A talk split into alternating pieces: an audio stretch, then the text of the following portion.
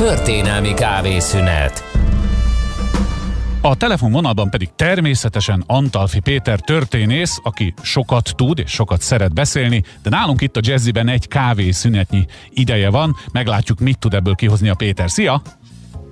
Szerbusz, sziasztok, köszöntök mindenkit. Gondolom ki kellett a felét húzni annak, amit már szántál, hogy beleférj az időbe, de már van rutinod benne, hiszen hónapok óta csináljuk ezt a rovatot, úgyhogy kíváncsi vagyok, hogy mi fér egy kávészünetbe ma nálad. Eh, épp, hogyha kávé, akkor mindig valami egzotikus dologra gondolunk, most kivételesen olyan helyre megyünk, tehát olyan személyhez megyünk, akinek rengeteg modernnek tűnő e, fejlesztését, pártolását kell elővenni, pedig 500 éve halt meg tulajdonképpen 1519-ben az az első Miksa császár, akiről azért tanulunk keveset, mert Mátyás Királynak volt a kortársa, és Mátyásról szoktunk többet beszélni. Uh-huh. Hát én se hallottam nagyon róla, Miksát próbáltam kutatni emlékezetemben, de majd most felhomályosítasz mindannyiunkat.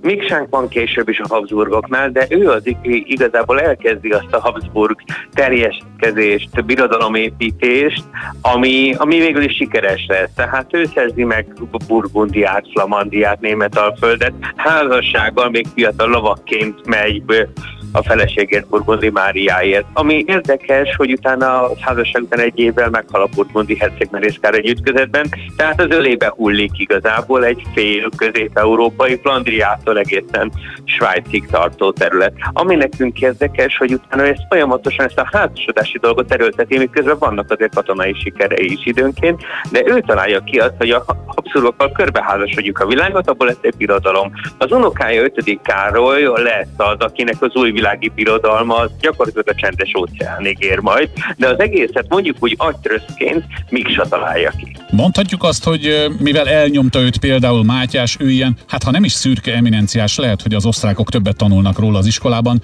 de, de nálunk akkor talán többet kellene tudnunk a szerepéről, nem? Illene, lehetne. Igen, mindenki a maga történelméről és a maga alakéről szeret többet beszélni. Nem volt szürke eminenciás.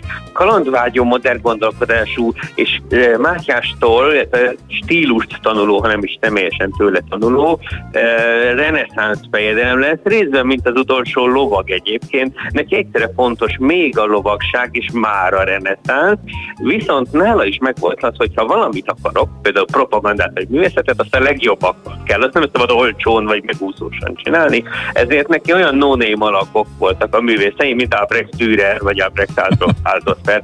Ami nekünk érdekes, hogy ő viszont pártolta az új dolgokat, például lehet-e nyomtatással úgy készíteni tárgyakat, propagandaeszközt, ami esetleg még soha nem fordult elő senkinél. Ugye mi hozzászoktunk ma ahhoz, hogy nyomtatni szoktunk, most már nyomtatunk művégtagot, nyomtatunk repülőt, nyomtatunk mindenféle egyéb dolgot az új 3D technológiával, akkor ez még kétdimenziós volt, de azt hogy nyomtatni lehet tárgyakat, azt Miksa mondjuk, hogy jött rá, hogy ez nem csak könyvre jó, ezért Miksa császárnak egyik legnagyobb mondjuk úgy propagandanyaga, vagy művészeti megrendelése, mert ez művészet volt, ilyen no-name tűres emberek dolgoztak rajta, egy három és fél méteres nyomtatott kapu.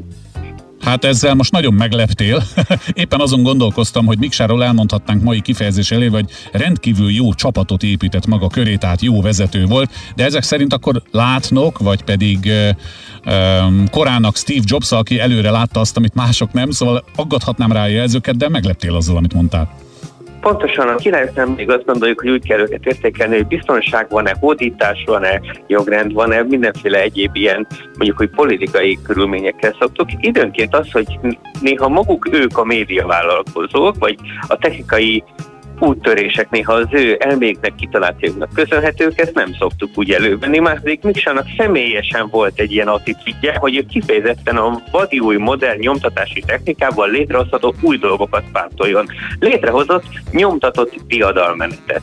Ezt úgy kell elképzelni, hogy egy hatalmas teremben megy körbe a falon, például ezt kiállítják mondjuk a Pécsi Albert Kinában, vagy a Szépművészeti Múzeumban is egyszer kiállították, akkor megy száz túcon nyomott fametszet, diadalmenet grékmadártól díszszekerekig, egykori uralkodókig, medvevadászoktól lovagokig, és persze mindenki ott van a végén, mert a reneszánsz tudja már, hogy nem csak lovagok és hősök és mitológiai lények vannak, ott vannak a hadsereget kísélő markotányos nőktől a tipészekig mindenki. Úgyhogy Misánál mondjuk, hogy a reneszánsz az törik egy kicsit a mitológiából a népi dolgok felé, pedig egy király rendeli meg, és törik egy kicsit a fantázia felé, mert porszívó ormányú elefántok is fölvonulnak, akiket Európában ritkán lehetett látni.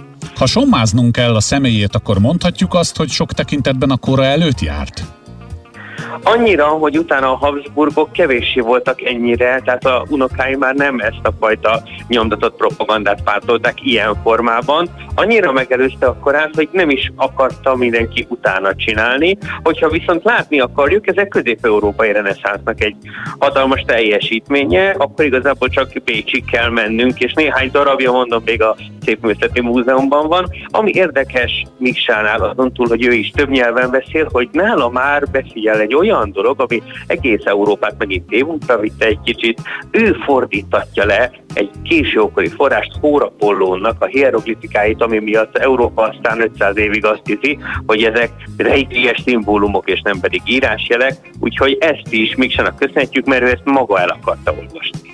És szerintem innen egy következő beszélgetést, vagy egy következő kávészünetet is tarthatnánk csak erről a témáról, de nagyon jól hagytad a pontot a végén. Nem tudom, hogy tudsz ebből egyet majd összeállítani, van-e ebben annyi, hogy egy kávészünetre elegendő legyen, és azt egy későbbi időpontban esetleg előhozod nekünk?